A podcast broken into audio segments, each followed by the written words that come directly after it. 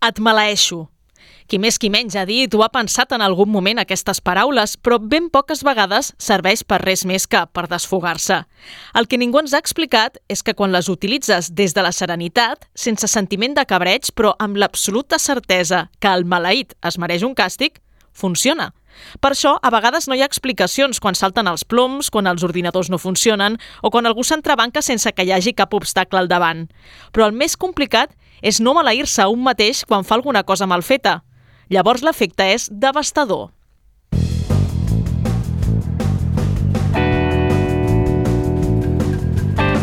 Quimèric, amb Karen Madrid. Benvinguts al Quimèric. La tardor fantàstica ja rutlla. No només hem hagut de treure la jaqueteta de l'armari, sinó que ja hem omplert de colorins l'agenda per arribar a tot arreu. I això ho notareu en el programa d'aquesta setmana. Començarem acostant-vos al que ha donat de si la Girocòmic, amb entrevistes a convidats, ponents i organitzadors de tallers. Tot seguit us farem una crònica del Tarraco Manga, celebrada el primer cap de setmana d'octubre a Tarragona. I acabarem parlant del Festival de Terror per excel·lència, el de Sitges, amb en Sergi Castanyer i en Marc Muscat Mosquera. És el que donarà de si el quart quimèric d'aquesta vuitena temporada que fem possible amb el Toni González a les vies de so, l'Iker Mons i la Marina Tovella a la producció i la Clara González a les xarxes socials. Quimèric també s'escolta al Districte 9. Quimèric als salons.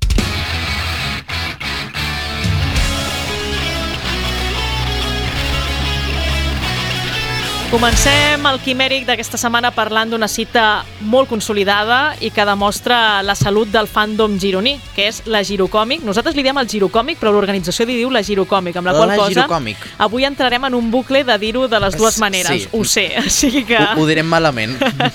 El cap de setmana del 14 i 15 d'octubre ha tornat a omplir el recinte de la Fira de Girona. I de quina manera, eh? Paradistes, il·lustradors, cosplayers, molts cosplayers he vist aquest any, Sí. conferències i també tallers. De nou comprovem que un gruix molt important d'aquest públic que va a la Girocòmic és familiar. Sí. O sigui, hem vist que hi ha molts pares amb les criatures i de fet això també es noten que aquella gimcana que es fa doncs, té molts adeptes. Sí, sí, sí, però no només públic eh, familiar, sinó també juvenil i també adult, molts adults que s'apropen a, a, a la girocòmic. Eh, Costa molt dir-li la Girocòmic, és perquè al final és un saló, no? Has, Però bé. has de canviar, sí, sí, has de canviar el xip. Però, ostres, un, un bon cap de setmana van passar. Jo hi vaig estar el dissabte, tu, Iker i la Clara dissabte i dies. diumenge. Que aquesta percepció d'anar-hi els dos dies, què? Home, dona molt més temps. Més ha tranquil·litat, més no? No- No tan a tranquil·litat. pinyon com anem sempre. Exacte, i et pots prendre la llibertat de donar-te diverses voltes i a lo millor fer alguns tallers, que és una part molt interessant dels de els salons, que a vegades passa desapercebuda per nosaltres, que anem sempre a les xerrades, Sí. a fer entrevistes, que tenim com molt, objectius molt, molt marcats. De fet, eh, vam poder parlar amb una de les organitzadores dels tallers. Hi ha molts tipus de tallers, però uns en concret eren sobre idioma i cultura oriental, des de Mhm. japonesa, coreana... I em va sobtar el fet que va ser aquesta persona no, de, de l'escola Niponia Idiomes que va venir a nosaltres i va dir Hola, estem aquí fent tallers, eh, voleu parlar? I, ostres, agraeixo bastant aquesta iniciativa, que a vegades estem distrets amb altres coses i val la pena, no?, també parlar de, de tallers. Sí, sí, jo vaig estar distret i vas desaparèixer. De, de sobte ja no estaves. Em van segrestar, però mireu, va ser molt interessant. Escoltem la directora de Niponia Idiomes, Carme Feliu. Hem estat al Girocòmic des dels seus inicis, de fet, eh, l'organització de seguida ens va venir a buscar perquè som el principal centre de Girona i comarques de, dedicats a una mica a la difusió de la cultura asiàtica, de japonès, eh, xinès i coreà, però sobretot japonès a partir del manga i l'anime.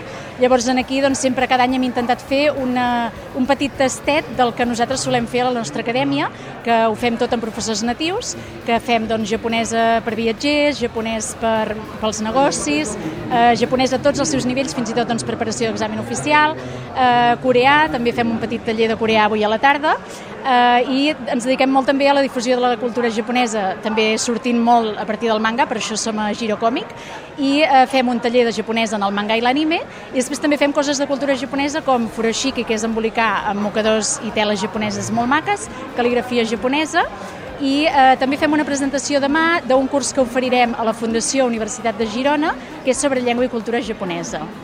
Què interessa més ara, eh, la llengua o la cultura? Quan us venen aquí els tallers, eh, veieu un interès també per dir, ostres, doncs no sé, el taller de coreà, no? De, ja se sap que amb un sol taller no podràs aprendre gran cosa, però suposo que aquest primer contacte encara li està resultant sent atractiu, no? La gent que també llegeix manga...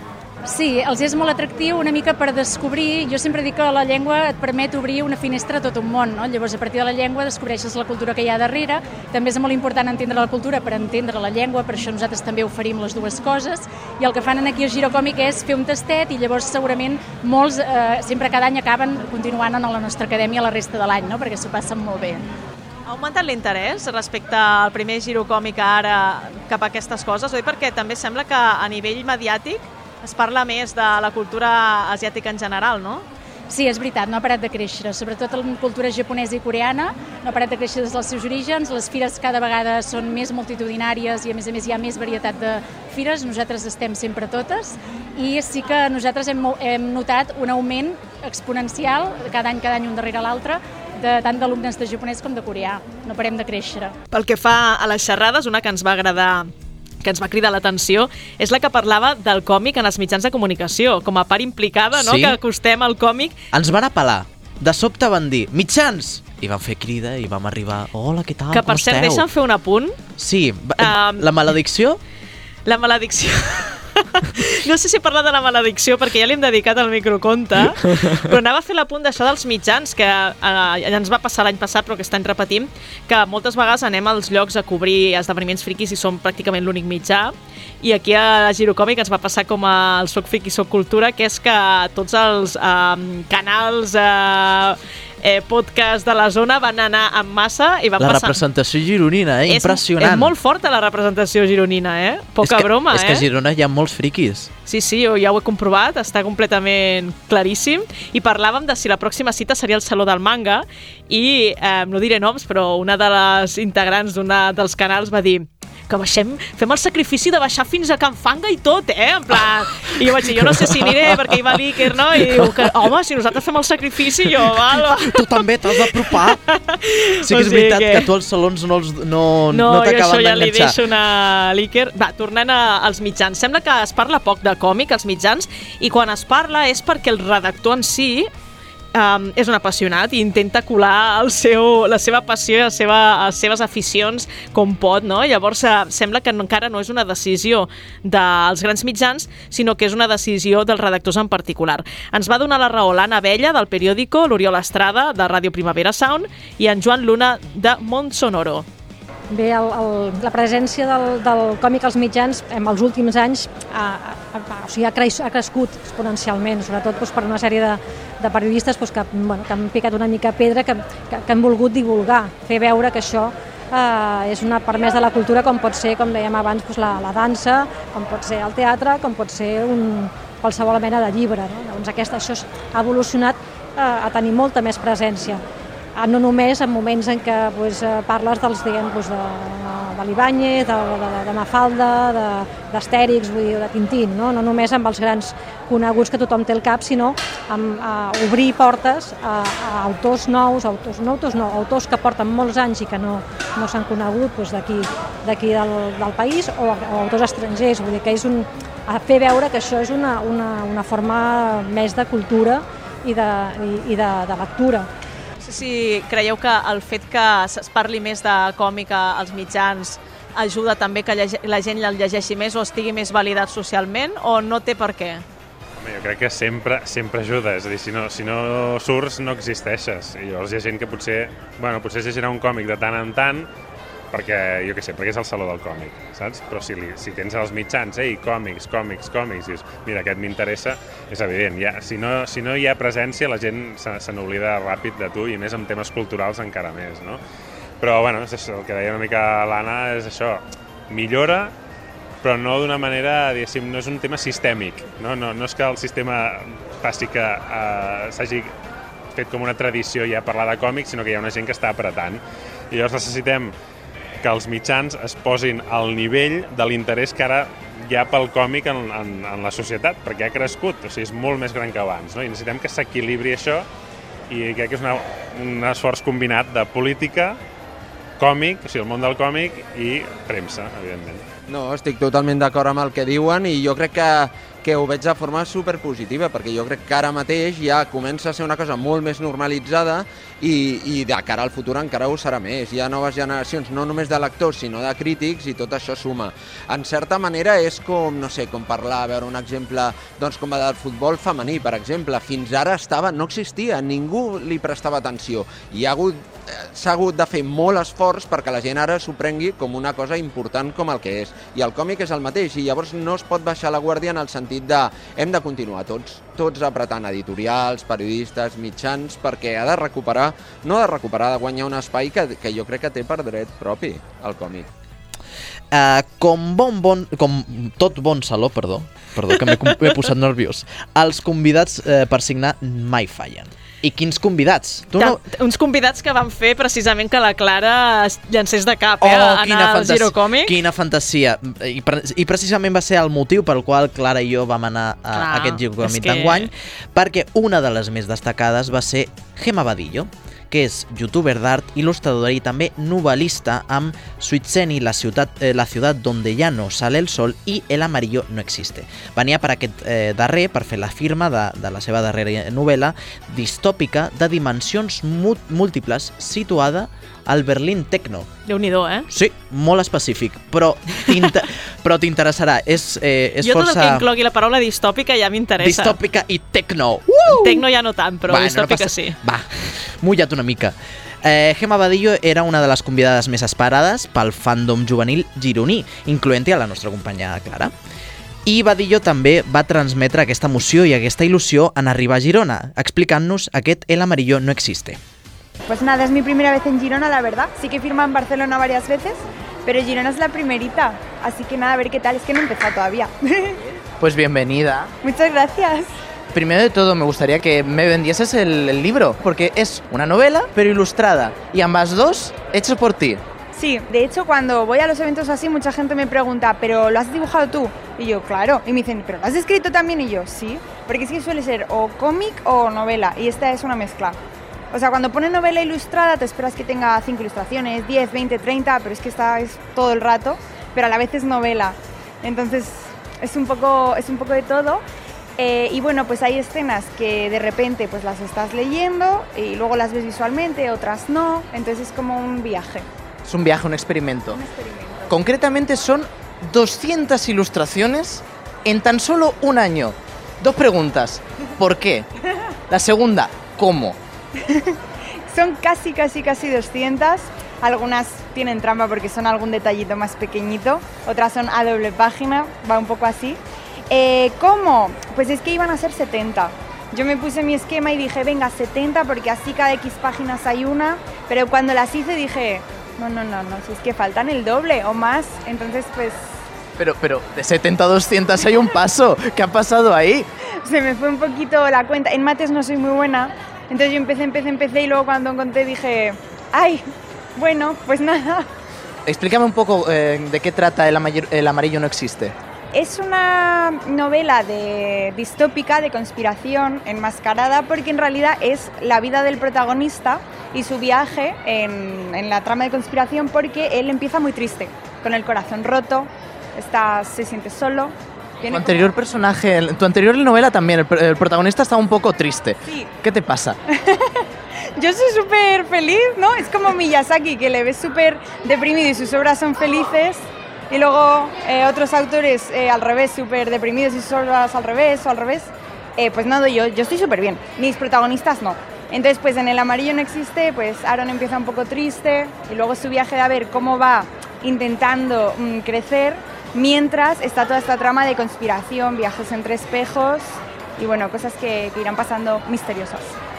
En el amarillo no existe precisamente los colores, tienen significado. ¿Es solo con el amarillo o sucede con el resto? Sí, sí, todo tiene significado. En cada ilustración hay cositas ocultas de psicología del color. O sea, todas las ilustraciones son como un poco buscando a Wally a veces. Esto es ya si quieres como ampliar la lectura, ¿no? Puedes como ir buscando pequeñas cositas, entonces cada vez que veas algo azul o algo rojo, pues también significan cosas importantes. teoría del color. Prácticamente hay un marco teórico detrás. Sí, correcto. Después, está ambientada en Berlín. De hecho, te fuiste a, a Berlín a, a hacer ese tráiler. ¿Cómo fue ese viaje? Y luego, ¿por qué Berlín? ¿Por qué no ambientarlo en Madrid? Buena pregunta. La verdad que Berlín empecé, bueno, pues porque yo antes había estado muchas veces de viaje y pues eh, amor a primera vista, ¿no? Y luego porque yo quería que en la novela hubiese eh, discotecas de tecno, porque es como una experiencia visual, ambiental, es un ambiente que a mí me gusta para esta novela. Y claro, siendo estos ambientes, pues tenía que ser en Berlín, porque es como la cuna de esto, estos, estos sitios. Eh, y nada, pues así empezó y luego yo iba a grabar en cualquier sitio. No tenía por qué salir el post este de Alexanderplatz en, en el tráiler, pero luego dije, vamos a hacerlo bien, vamos a Berlín, claro que sí. Si lo, si lo hacemos, lo hacemos bien. Lo hacemos bien, entonces me llevé pues al cámara a un amigo mío que era que es el protagonista, ¿no? Eh, caracterizado y así, ayudante, y nos fuimos los cuatro pues, pues a grabar, o sea, fueron dos días solo, pero con una ruta y todo para ir a los sitios del libro, con todo preparado. Tiene pinta de que hubieron muchísimas anécdotas en ese viaje. Sí, eh, la más divertida que nos multaron en el metro de Berlín. ¿Cómo? Nos multaron en el metro de ¿Pero qué hicisteis? No, nos colamos sin querer. O sea, nosotros pagamos nuestros billetes, pero hubo una confusión y nos multaron y pues nada, es mi mejor anécdota porque tenemos todos un vídeo que sale en el making of del trailer con la multa así. Entonces, pues bueno, un pequeño souvenir que nos trajimos. No todo podía salir bien. Multas. Esto es lo que pasa cuando intentas hacer algo bien, ¿no? Pues nada, un placer y muchísimas gracias por atendernos, Gemma. Igual, muchas gracias. I si el dissabte eh, ens vam sorprendre per al desplegament de fans provocat per eh, l'Amarillo no existe, per Gemma Badillo, Mm. atenta el diumenge. A veure, sorprèn-me. Laia López va fer rècord històric en les sis edicions que porta el Girocòmic. Rècord històric. La cua de persones que esperaven a la seva firma hauria donat la volta al recinte si no fos perquè l'organització va tallar-la per la meitat. I perquè per la tarda hi havia una altra firma de llibre del, de, de, la, de la Laia també. Llavors van dir, els van que no, vingueu va- a la tarda Van dir, mira, aneu a la segona. Ja, no llegues, aneu a la segona. Carai, quin èxit, no? Quants fans que té, eh? Tres hores va estar de rellotge firmant la novel·la Royal Witches 2, Jo em pregunto El baile de los secretos. Si, Digues. si passés com als salons nord-americans que cobra per cada firma, la palla marxa d'aquí amb un ja te apartament digo. a Menorca, eh? 3 hores de... Re... És que fixa't si ja ho tenia entrenat, que lo típic que fan els il·lustradors De és fer-te un dibuixet Mm. i dedicar-t'ho. Ja ho tenia pensat i venia amb un segell per Va ser més, més eficaç. El seu ex-libris, no? Sí, va posar segell, firma, una foteta, adeu. Així, uno detrás Clar, de otro. Imagina't la no quantitat, dibuixant, clar. imagina't la quantitat de gent que hi havia. Molt fort. Doncs sí, i aquesta era l'expectació que generava eh, aquesta, aquest segon volum que arriba després de 3 anys d'espera i rescaten aquesta sèrie juvenil de fantasia èpica en què un grupet eh, de bruixes participen en una competició anomenada la Lliga de la Corona. Eh, el baile de los secretos, que és aquesta nova novel·la, reprèn la història d'uns personatges colpejats per traïcions i romansos. Estic molt contenta d'estar aquí. És el primer cop que vinc a la Girocòmic, a més, i m'està agradant molt, bueno, el poquet que he vist. Què tal, de moment? Molt bé, molt bé, molt emocionada. He vist que hi ha molta gent i no sé, m'ha Et fa una mica de por veure la cua? Sí, em fa una miqueta de respecte, no m'ho esperava gens. O sigui, com m'has dit abans, tens una cua increïble, jo, segur? Hem de, hem de matitzar. Cua de, de, de gent que està esperant per la firma de llibre. No, cu... a veure, sisplau, eh, una mica de respecte. No, no, no, no, no, òbviament. No sé, estic flipant, realment. No sabia que a Girona hi havia tanta gent... Bueno, suposo que també de voltants, però Sí. és que no havia vingut mai per aquí, llavors és com... A Girona hi ha, hi ha molt friqui, eh? Explica'm. Has vingut aquí per fer una, una firma d'un segon volum que arriba amb molta força i amb moltes ganes. Explica una mica, què ens trobarem en aquest segon tom? Pues és Royalty Witches 2, que es diu El baile de los secretos i és la continuació de eh, L'essència de l'Aurora, que serà una trilogia, però aquest és el segon llibre. És bastant més llarg que el primer, té bastanta més acció, molt de salseo, romance, que això ens agrada molt a tots. També hi ha bastantes escenes i coses de plorar, així que jo aviso a la gent que agafin Kleenex, que es preparin. Em sap molt de greu, però passen coses. Lo bueno es muy bonita la historia, lo malo te hace llorar. Pues sí, realment, en comparació amb el primer, trobo que és molt més... enganxa molt. Jo m'he enganxat molt, a més l'Helena escriu superbé, jo m'he passat molt bé fent les il·lustracions i és veritat que han passat com 3 anys des de que va sortir el primer, però no sé, veure que la gent segueix enganxada i estan com emocionats encara per seguir la lectura, fa molta il·lusió, realment, de que estiguin allà a pie de canyón. Quin personatge t'ha vingut més ganes de tornar a dibuixar? El Shin, potser. Però he de reconèixer que m'ha agradat molt dibuixar un personatge nou, que es diu Rion, que ja el coneixeran quan el llegeixin, o sigui, han llegit perquè vam treure com els primers capítols, el primer capítol de com a teaser de... perquè veieu què, què, què us podeu esperar, allà surt el Rion, i realment és molt divertit dibuixar-lo. Doncs ens quedem amb aquesta idea. Moltes gràcies per l'entrevista i bona sort, Moltes gràcies. perquè t'espera una tarda... Una mica intensa. Ostres, intensa, eh? Mira, mira tota aquesta gent. Mira, mira, ens estan mirant, eh? Et saludem? No, és... no. Va, sí, va, va. Vale, Va, saluda, saluda. No, però no està mirant ningú, serà... Va. serà... ¡Ay, la Laia! ¡Qué guapa! Però... No s'han girat, eh? No, perquè no, no, no, no, no, que vergonya. em moriré de vergonya jo. Doncs res, doncs moltes gràcies per l'entrevista i espero que vagi molt bé. Moltes gràcies, m'alegro molt de veure't. Igualment, estàs fantàstica, el l'eyeliner perfecte. Ai, moltes gràcies, m'ha costat aquest matí, eh? Ai. A primera hora és difícil. La crònica del fantàstic. I de Girona anem fins a Tarragona, on es va celebrar el cap de setmana del 7 i 8 d'octubre la Tarra Comanga.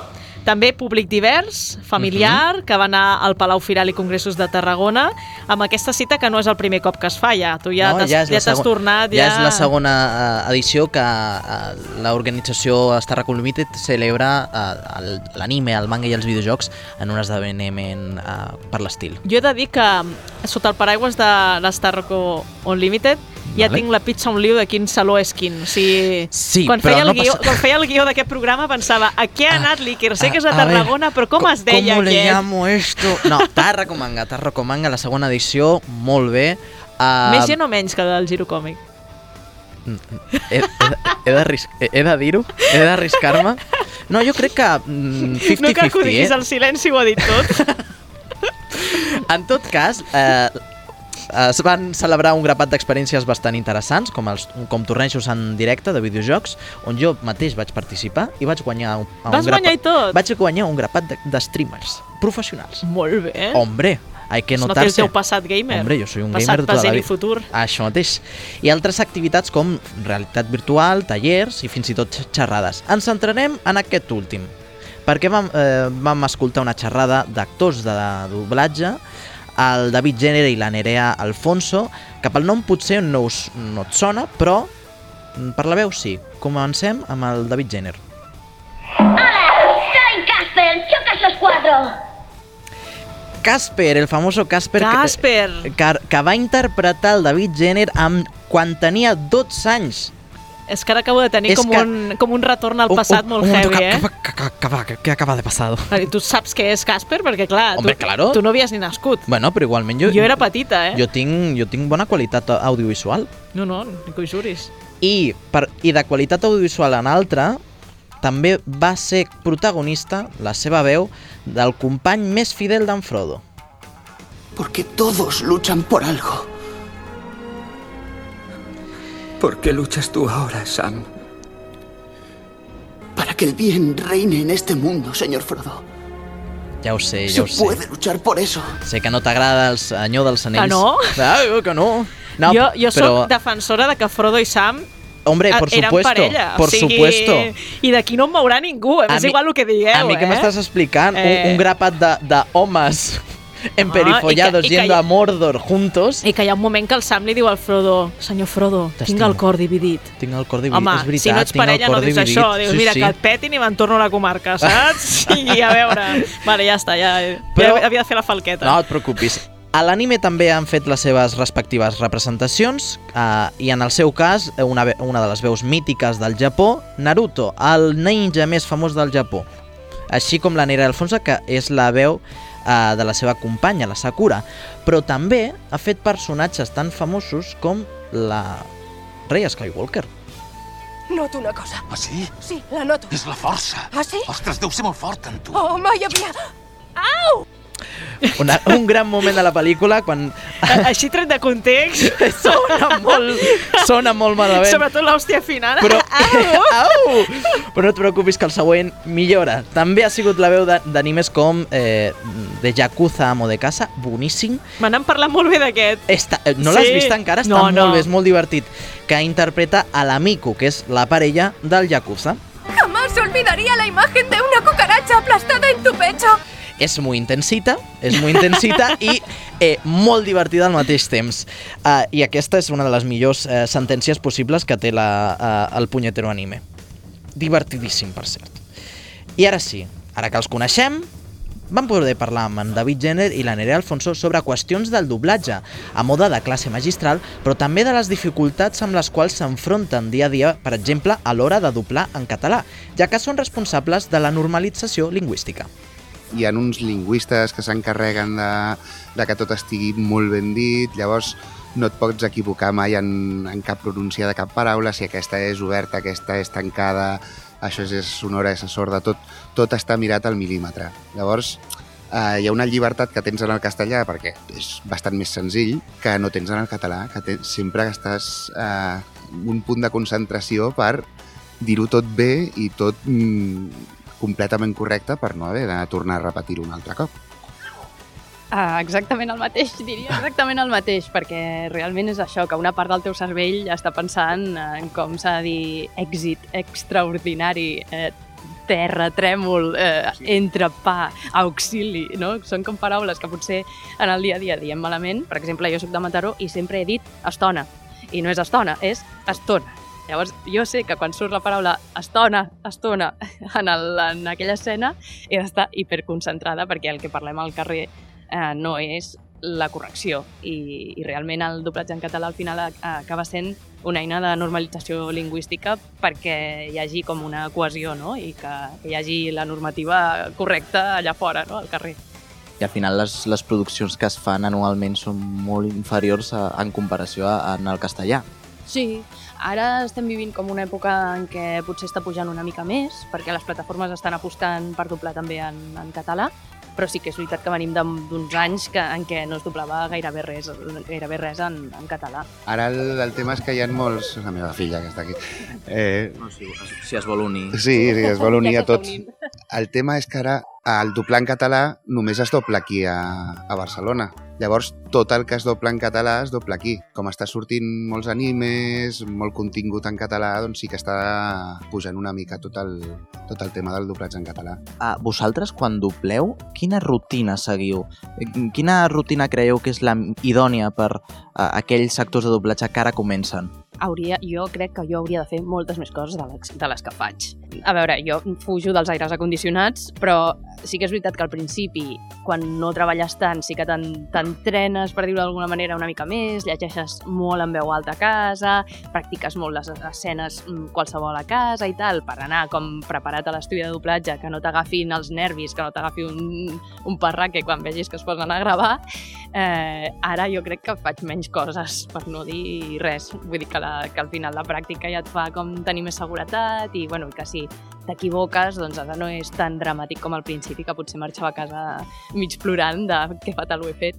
Eh, llavors, bueno, ara jo diria que rutina mm, no en faig gaire, però si algú es vol preparar per fer doblatge, això sobretot cuidar-se molt dels aires acondicionats, de fumar, de, bueno, d'aquest tipus de coses i sobretot interpretació a tope, eh, practicar molt a casa traient-se el volum de les sèries i fent doblatge així una mica improvisat, llegint en veu alta, bueno, I a l'estudi ampolla d'aigua? Home, això és, a, hauria, s'hauria de, però jo no ho faig, és el que dic, o sigui, jo no, és que no, no, em- no em cuido res la veu, o sigui, és terrible. Jo soc, o sigui, no, no, soc d'un destru... tal qual, o sigui, no, no em cuido mai. A part que fumo... Tots els exemples que ha donat que no s'han de fer... Jo ho faig. Sí, sí, sí, sí, sóc així. No, però bueno. No, no tens un aire condicionat, en tens dos... No, a casa no en tinc, això sí que és, Mira. per sort, sí, sí que no en tinc, però, però sí que la veritat és que no em cuido res. I, I de fet, ara la setmana passada em vaig quedar sense veu, però em passa un cop cada 3-4 anys, com a molt. No, no m'acostuma a passar mai.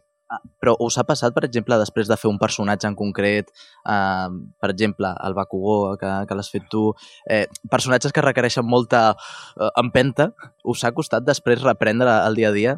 No, perquè no... És això, no m'acostumo a quedar sense veu. Sí que és veritat que acabes amb la veu cansada i potser aquell dia doncs, estàs una mica més, més tocat, però no m'ha passat mai de quedar-me afònic per, per doblar un personatge, encara que cridi molt. Jo potser afònica tampoc, però sí que és veritat que si al matí tens una pel·li de por i passes tot el matí cridant, eh, al migdia dius, vaig a casa, ja no puc tirar més, no puc anar a fer a la tarda la Sakura, és que no puc, no? o qualsevol altra cosa, és que no, no em donarà la veu encara que sigui el més suau del món.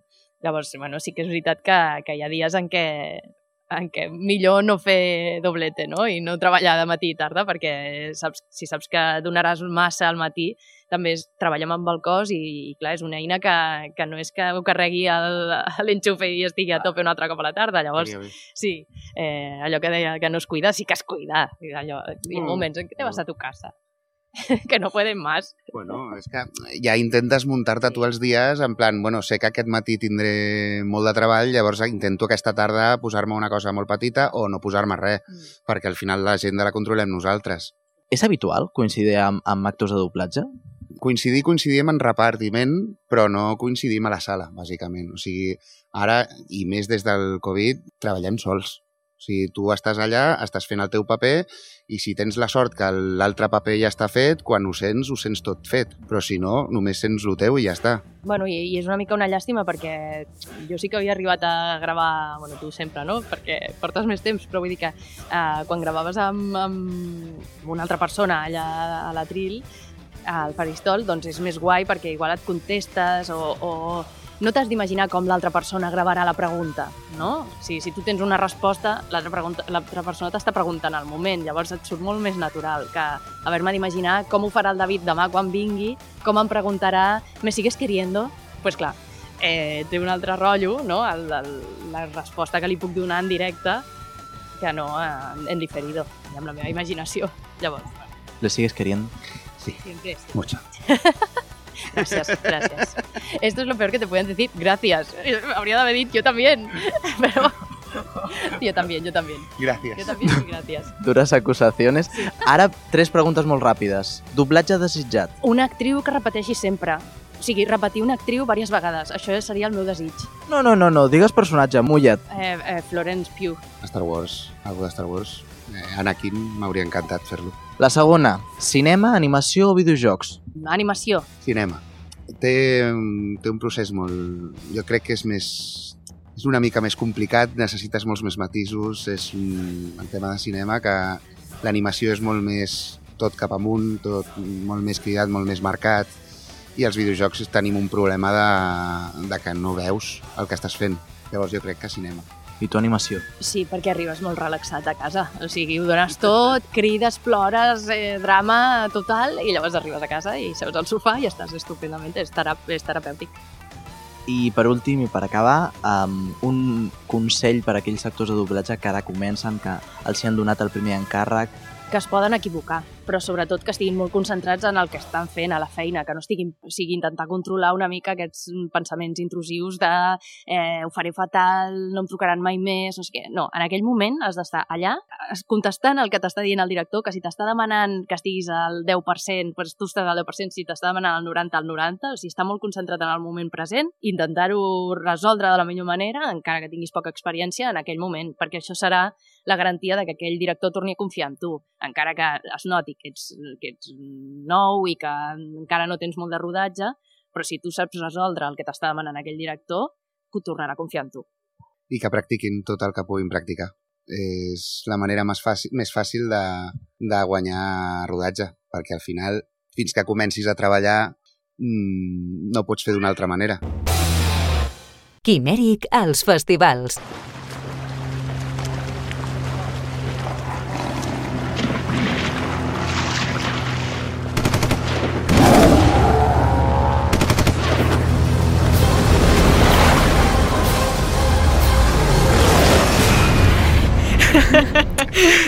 De, dels salons, anem, tornem cap a Sitges, cap al festival per excel·lència, i haureu sentit aplaudiments perquè tenim aquí l'estudi el Sergi Castanyer, que encara li dura el subidon de Sitges. Què tal, Sergi? Què tal? És que uh! escoltar uh! aquesta música i ja estic allà aplaudint com un de...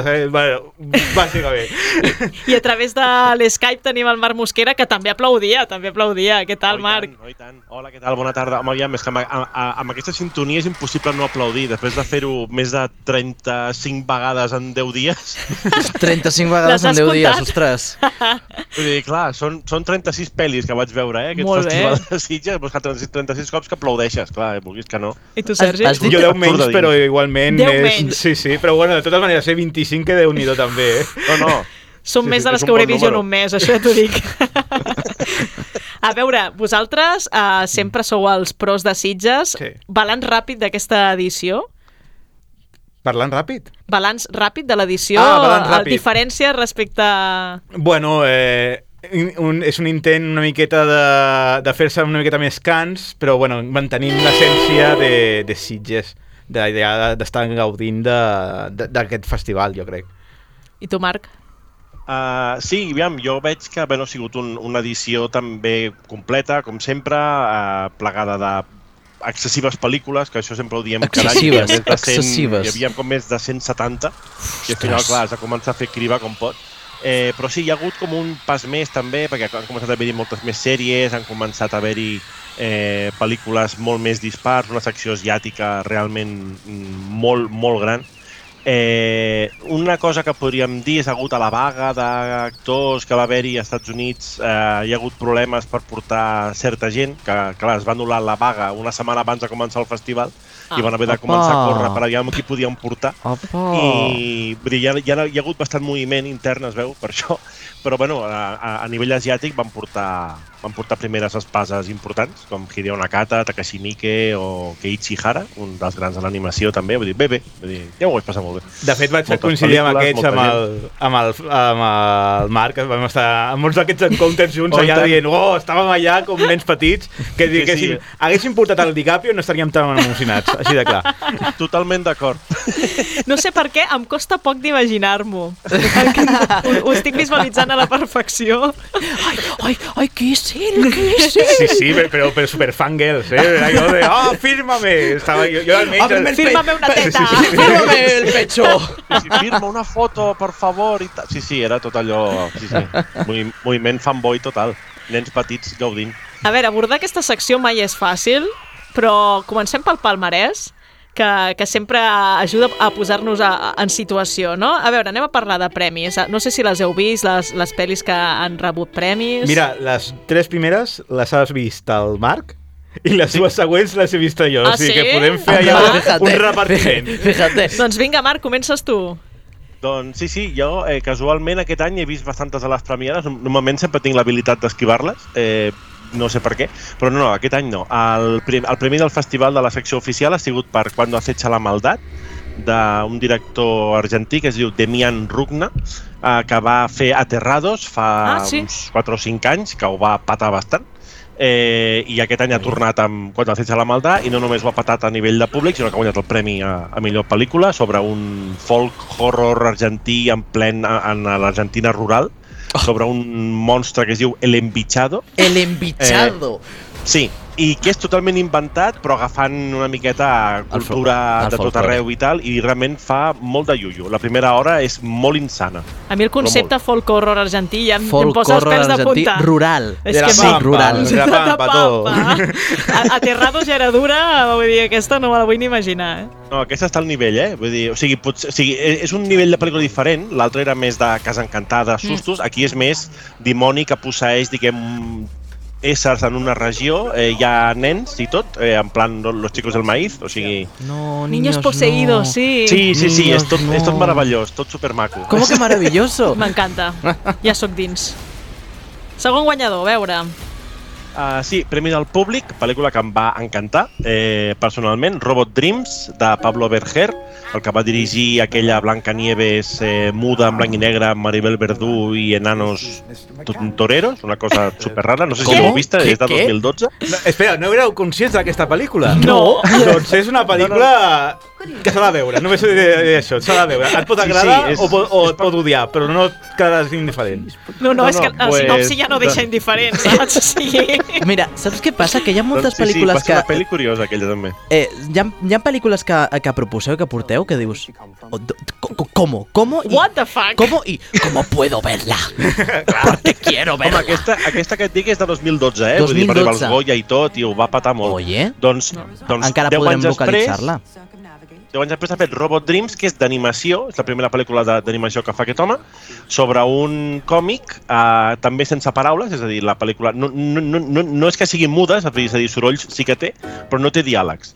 Sobre un gos antropomòrfic que es compra un robot i es fan amics, de, se separen, i és, bueno, és una història així com d'amistat, nostàlgia, eh, superar els mals tràngols. És supermaca, eh? Vull dir, home, es van dur el Premi del Públic, vull dir, jo crec que agrada molt. I s'estrena el 6 de desembre als Ah, cinemes. mira, pel Mira, pont escolta. podem anar-la a veure.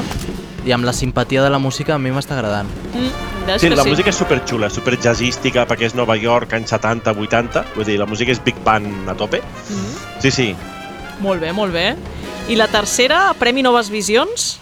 Sí, és Moon Garden. Eh, si us agraden els efectes especials tradicionals, molt anys 80, en plan El cristal oscuro i tal, és la vostra pel·li. Eh, tot és super artesanal, va de una nena de 5 anys, que és la protagonista, que bueno, té un accident a casa, acaba en coma, i llavors tota la pel·lícula és com ella del coma en un món oníric on hi ha, pues, és el, un món en, en el que juga ella quan, quan, quan no està en coma, o sigui, abans de la pel·lícula. Té uns jocs amb uns boscs encantats, un César, però aquests César se'ls va trobant i és això, té aquest punt entre fosc, grotesc, eh, maco, té un punt així tot peculiar. Eh, potser la pel·li a mi se'm va fer un palet llarga, personalment, però em va agradar molt. Realment és, és molt xula. I la nena de 5 anys actua superbé. Jo m'he quedat amb el que haces cuando no estàs en coma, eh? Una mica. Joder. Bueno, viure en general, no? Però... Totes les pel·lícules que recomanes, Marc, tenen aquest punt de tendresa, eh? Jo crec que és Sí, com sí, sí, sí. condició sine qua non, eh? Sí, tinc aquest punt osito de peluche una mica, Sí. suposo, i llavors les pel·lícules busco que tinguin el mateix. Ai, que Com, tendre. com la que- següent, com la que- següent que, també que- em va agradar que i és molt que osito de bonic. peluche, com dirà ara el Sergi. Sí. La següent, Fuerza Bruta, no té molta pinta d'anar d'ossos de peluche. Bueno, és Si un- no és de- d'ossos de peluche assassinos. És, és el no nostre ser. que ens encanta perquè ve des de Corea. És un senyor que fa com dues vegades jo de- d'ample, no perquè estigui gros, que sí, una miqueta també, sinó perquè està molt caixes. És un armario. És un armari. És la tercera... Armari coreà, eh? Empotrado de cuatro puertas. Sí. Empotrado de cuatro puertas suena fatal. doncs és la tercera eh, entrega de The Outlaws amb el Mao Deong-seok que per gent que no estigui eh, allà eh, a Londres de qui és aquest senyor, diguem que és el Bud Spencer però versió coreana. És Ah. a dir, el que dona gust és veure-li com fot pinyes a, als dolents. Com- I a més, com- en- Hòsties amb com la mà oberta, el que Sí, vulgui. sí. A més, en, aquest, en aquesta entrega ha posat una miqueta més d'aquest humor dels 90 del Schwarzenegger, que sempre que es carregava algú deia una lapidària, doncs aquest, han explotat en aquesta tercera, tercera entrega aquest punt més còmic. Home, vale. a mi m'encanta com s'estan posant les piles els coreans per fer la seva versió de tot, eh? És com Sí. al seu moment la Xina o el Japó, ara ara és Corea, No, no, eh? ara mateix Corea o sigui, ocupa gairebé els tops de cadascun, té alguna representant, i la veritat és que aquest va guanyar el Premi eh, Focus Àsia del públic, o sigui que la, el públic va votar massivament Molt bé, aquesta molt bé. pel·lícula. Molt bé, això ens agrada. Llavors també hi ha el Premi Malies d'Argent, no? Sí, amb La Morceau, Ja no m'he atrevit a dir-ho perquè... T'he vist amb preocupació amb la cara, eh? No, eh, és que sabeu, sabeu què és el posar el guió La Morsu i que m'ho canvi automàticament per La Morgue totes les vegades que ho he escrit? Oh, quina tortura. Totes les vegades. I, sí, sí, eh, és molt... Va per, L'algoritme per flipa, aquí? saps? Va per aquí? Va per la morgue? Sí, va, va, va una Ah, ui, cosa... ostres! El Word ho sabia. Aviam, és una pel·li francesa que ha guanyat Premi Meles i Argent, Premi Jurat del Carnet Jove i Premi a la millor fotografia. Té tres premis. Ostres. I la premi, tu em diries, Sergi, és boníssima, no? Doncs no. Com, com que no? No, o sigui, És que fa pastil. sí, perquè Vale, ja jo... està. Ja està, ja està. Ja està. Millor fotografia sí que l'hagués donat, perquè la fotografia és allò d'anys 70, com si fos un guialo italià molt bonic, allà molt colors molt contrastats. Vale. Però després la pel·li és una, una pel·li que va de dues noies que viuen en un internat catòlic que se'n van de festa. I a la festa troben a un que diu que és un vampir. I a partir d'aquí, doncs... Perdón, es que yo, yo los vampiros ya... Es que ha sido muy sonoro, no quería que lo fuera. de, de, de Sídia ha sigut molt, molt maco, eh? Sí. doncs no gastem més saliva parlant d'aquesta No, no, pel·lícula. saltem als- I, als tops. I entrem als tops 3 perquè tampoc tenim molt de temps i haurem d'anar molt a pinyon com ens Ok. passa sempre amb aquesta secció. A veure, uh, comencem per Sleep, que és un dels teus top 3, Sergi. Sí, a més és, és una pel·li que ara comentarem perquè és una pel- pel·lícula que jo vaig sortir d'ella. Aquest seria el, el primer El o primer. el tercer? Val, El dir, primer, perquè- eh? comencem amb els primers. Vale, perquè Sí. així se'ns acaba el temps, Clar, ens fumem clar, el tercer. Vale, vale. evidentment. No ens quedarem amb la borralla, clar, evidentment. Està bé. dirigida per, per el Jason Wu, que és l'assistent de direcció de pel·lícules com Paràsitos, o sigui que Bé, bé. i que debuten en, en aquesta pel·lícula. I de què va? Doncs és d'una- d'un matrimoni que té, eh, bueno, el, el, el marit doncs té una espècie de problemes al son, o sigui, té insomni Ah. i el que comença com un insomni de vaig a la cuina i agafo una botella de, de, una ampolla d'aigua per, no perquè passat? sigui Una ampolla Eh, d'aigua, eh? comença amb coses més greus, com intents de suïcidi i coses Coño, així. joder. I a partir d'aquí, Sí, sí, doncs, és un la... sonambulisme bastant extrem, sí. Tu jo també també la vaig vist? veure, em va agradar moltíssim. També estaria al teu top 3 si no ho haguéssiu parlat abans? O... Eh, el top 5 sí. No sé si el top 3, però, però sí, sí, allà Duras estava. declaraciones. De fet, uh, jo vaig parlar molt d'aquesta pel·lícula, el Marc i jo, perquè jo vaig sortir de la pel·lícula pensant que tenia un final obert, sense entrar en spoil... Ai, que tenia un final tancat, sense entrar en spoilers, i el Marc em va vendre que no, que era un final obert. Xanan. I, i qui té la Sí. raó? Xanan. Mira, li dono la, al final la raó a ell, perquè em va Oh! convèncer. Oh! No podem donar spoilers, Batalla, però eh, demanem que la, a la gent que ho vegi. S'ha de eh? veure, no? S'ha de veure, sí, sí. sí. Doncs uh, l'apuntem. A mi tots els problemes de parasòmnies m'interessen, vull dir que me l'apunto. no, Aquesta no, és no. molt mal rotllera, eh, amb el tema dels... I, problema. I m'agrada perquè jo d'aquestes merdes en tinc. Ah, jo vale, també, doncs, per apunta, això, apunta, No, eh? això aquí no li ha passat, per No, això no, dic no, és publica- el- un dia, una nit a casa nostra. Equip Sí. del Quimèric és habitual. Així estem, tots pa allà. Anem a la primera peli del top 3 de, del Marc, The Child. Sí, eh, The Child. Sí, bueno, realment és un top 3 sense un ordre massa estipulat, eh? perquè les tres em van Ah. agradar molt, no sabria dir quina estaria en primer i quina, i quina en tercer lloc. Doncs en Però aquest cas és The però, Child. La, la, The Child també és coreana, com Sleep, eh, és de. Park Molt Jung, o, o com Corea. es pronunciï, eh, jo el coreà no el domino massa, eh, guionista de I Saw the Devil, eh, una pel·lícula que ho va rebentar eh, cervells, bàsicament el 2008, amb, una, amb un thriller molt xulo, i bueno, aquest home escriu i dirigeix aquesta pel·li, és un thriller amb girs de guió marca de la casa i un humor molt, molt bèstia que no t'esperes, però realment, eh, o sigui, passes d'acció a superben coreografiada a bàsicament carcajada en 0, o sigui, és, és realment Escolta. impressionant. El Sergi va fent que sí amb el cap, eh, també. No, no, Sí, és sí, que de sigui, fet... també l'havíem el- comentada. És que de fet el protagonista realment tu el veus i dius per què no ha, ha rebut cap menció? Perquè passa de ser un psicòpata a ser bona persona a ser un pringadillo en tres escenes. I llavors ja en, dius... en només tres escenes. I és creïble, no és allò de que diguis mira, és que m'estan fotent perquè fa el pena. Que té no, no, moltes personalitats, no? Ostres. És que no diria personalitat, és que No, és molt fàcil té molt rerefons argumental. Sigui, Ah, Sí, sí, o sigui, bàsicament la pel·lícula segueix a un, a un copino, que si no sabeu el que és és normal, perquè ningú sabíem el que era abans de veure aquesta pel·lícula. Estupendo. És, és coreà i filipino, ¿vale? és Oh! mestissatge de, així com els espanyols que anaven a Cuba pues, eh, deixaven cubanitos, pues, Mm. és una miqueta els coreans quan van a Filipines. ¿vale? Llavors, seria una mica això. Llavors, un copino que està, eh, fa ba- baralles de boxa il·legals per recollir diners per ajudar la seva mare malalta, que tenim el drama coreà a saco, eh, busca el seu pare coreà perquè sap que per intentar demanar-li pasta. El tema és que es troba que el pare també el busca amb ell. I el pare és, és ric i li diu que si accepta a anar-lo a veure a Corea, s'ocupa econòmicament de la mare, d'ell i se'ls soluciona la vida. Ah, bueno. Ell diu, sí, home, i tant.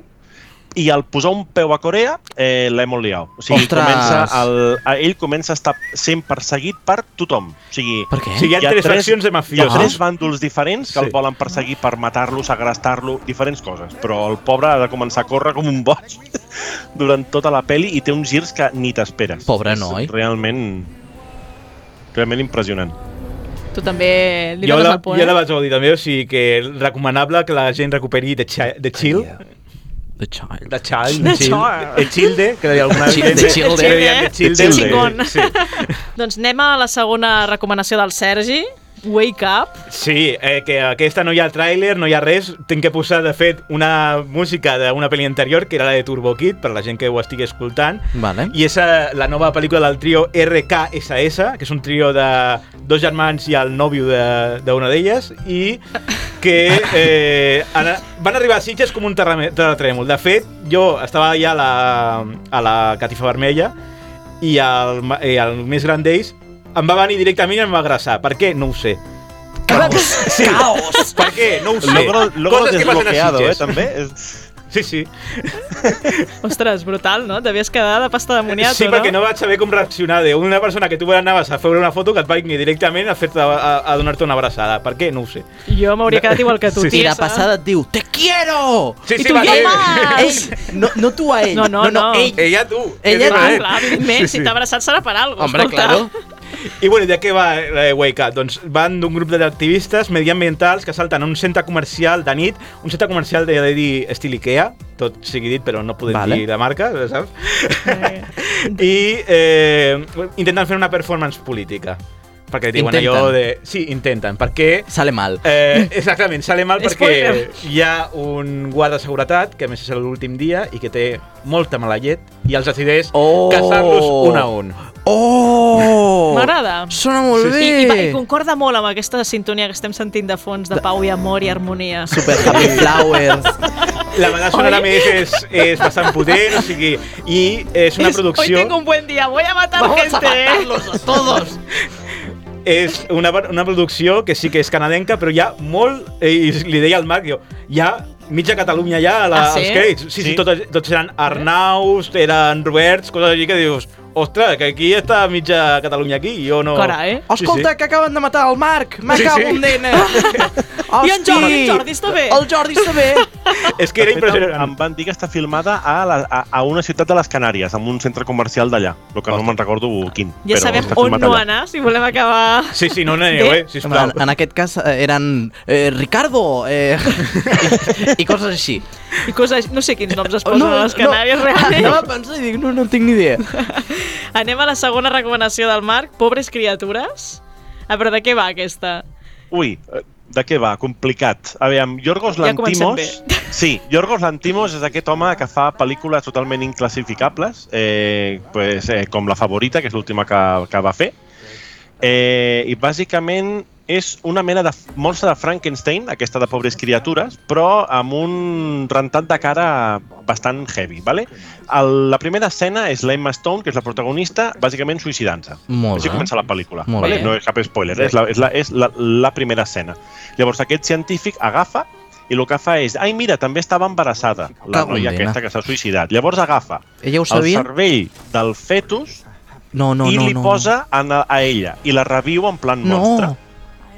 Llavors tenim No, una criatura no, que és no. un, un, una nena petita en el cos d'una nena d'una noia De- adulta. D'aquí al cien pies humano hi ha un pas, eh, només, vull dir... Sí, llavors, amb aquest, amb aquest començament tan rutinari i tan costumbrista, podríem dir... Qui no li ha passat, no, també? I amb aquest, amb aquest reflex de la innocència pura, no? de, de ser una nena petita, però amb un cos adult i totalment desubicat, perquè, òbviament, no, no ha viscut sempre a la casa del científic. Al final surt d'aquesta casa, no direm com, ni amb qui, ni res, perquè passen coses molt estranyes en aquesta pel·li, Vale. però descobrirà, i nosaltres amb ella, eh? Eh, no només el món exterior, eh, sinó també el cos d'ella. O sigui, ella descobreix que pues, té unes sensacions molt adultes i decideix pues, Que no corresponen, mm, clar. donar-li donar rinda suelta. Hosti, això pot ser una Llavors, mica amb les creepy, seves eh? ànsies d'això, aprendre, explorar i tal, i sumant-li que aquest, el Yorgos Lantimos té molt poca censura, eh, li poses un humor molt negre i un estilisme visual molt Terry Gilliam, eh, pues la peli és mm, bàsicament eh, una crítica a la societat moderna, als tabús, al sexe, a la prostitució, tot vist des d'un punt ultra naïf, a més a més. Vull dir, és, que és, una pel·li realment mm, molt estranya, però és, és brillant. O sigui, no, no, no, no sé què més dir sense entrar en spoilers, Sí, però la- és, una, és, una, és una autèntica passada. la gent que va veure-la, so- ja no només el Marc, sinó molta gent que ha estat veient ara els seus tops, tots tenien aquesta pel·lícula, o sigui que ha de ser bastant bona, o sigui que tots l'hem d'apuntar que s'estrena l'any que ve. O sigui, ah. sí, jo sé que molta gent estaria ja no, ens ho apuntem, eh, perquè A, aquesta a mi el que m'ha semblat és com molt creepy i no sé ben bé si m'agradaria o no. Serà, és que jo, saps? cre- o sigui, jo és crec que serà sensació de dir, és, desagradable. és prou creepy perquè m'agradi o es passa de creepy, saps? És com aquella fina línia de... Hmm. Eh, Mm. Visualment no és creepy. El que passa és que el que toca, els temes que toca són peculiars, però té una estètica molt naïf, molt saturada de colors, molt...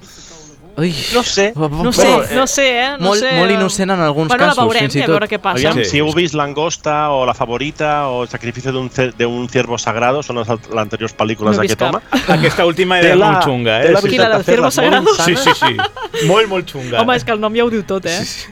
Bueno, doncs no ens dona temps a fer la tercera pel·li. Sort que hem començat per Sí. la primera, ja ens ho veiem a venir. Hombre, és que ja... Gràcies, Marc, gràcies, Sergi, per acostar-nos a aquesta crònica de Sitges. Ens alegrem de veure-us feliços A en aquest retorn i que I seguiu... amb ressaca, i amb ressaca, acaba Sí, de amb dir-ho. ressaca i certa depressió post-Sitges, que sempre és com, ai, tornem a la rutina. Per, Doncs per sort tenim el quimèric al cap de tres dies Exacte. per la... De fet, hem de dir que quan, quan vam parlar amb vosaltres via WhatsApp encara estàveu a Sitges. O sigui, Sí. imagineu, imagineu Impressionant, quin eh? dia s'està gravant Estaven aquest entre programa. pel·lis allà i jo el tenia al costat i dic, mira Marc, que ens convoca la Karen. Ah, vale, Merda, vale. ho, ho, ho hem de preparar. No, a més, el, meu, fem, què el meu fem? missatge va ser com ha anat Sitges? I quan el vaig haver enviat vaig pensar, calla que encara no ha acabat, saps? No, encara jo, no, eh? encara no. Bueno, doncs moltes gràcies a tots dos i que vagi molt bé. Que vagi bé. Adeu. Adéu. Moltes gràcies, adeu. Fins aquí el quimèric d'aquesta setmana. Tornem d'aquí 15 dies explicant-vos el que doni de si la 58a Tercat de la Societat Catalana de Ciència-Ficció i Fantasia que es farà a Mataró coincidint amb l'anunci del guanyador del Premi Manuel de Pedrolo. També us farem una crònica de la 19a edició del Cardo Terror al Festival de Terror de Cardedeu. No us ho perdeu, adeu-siau!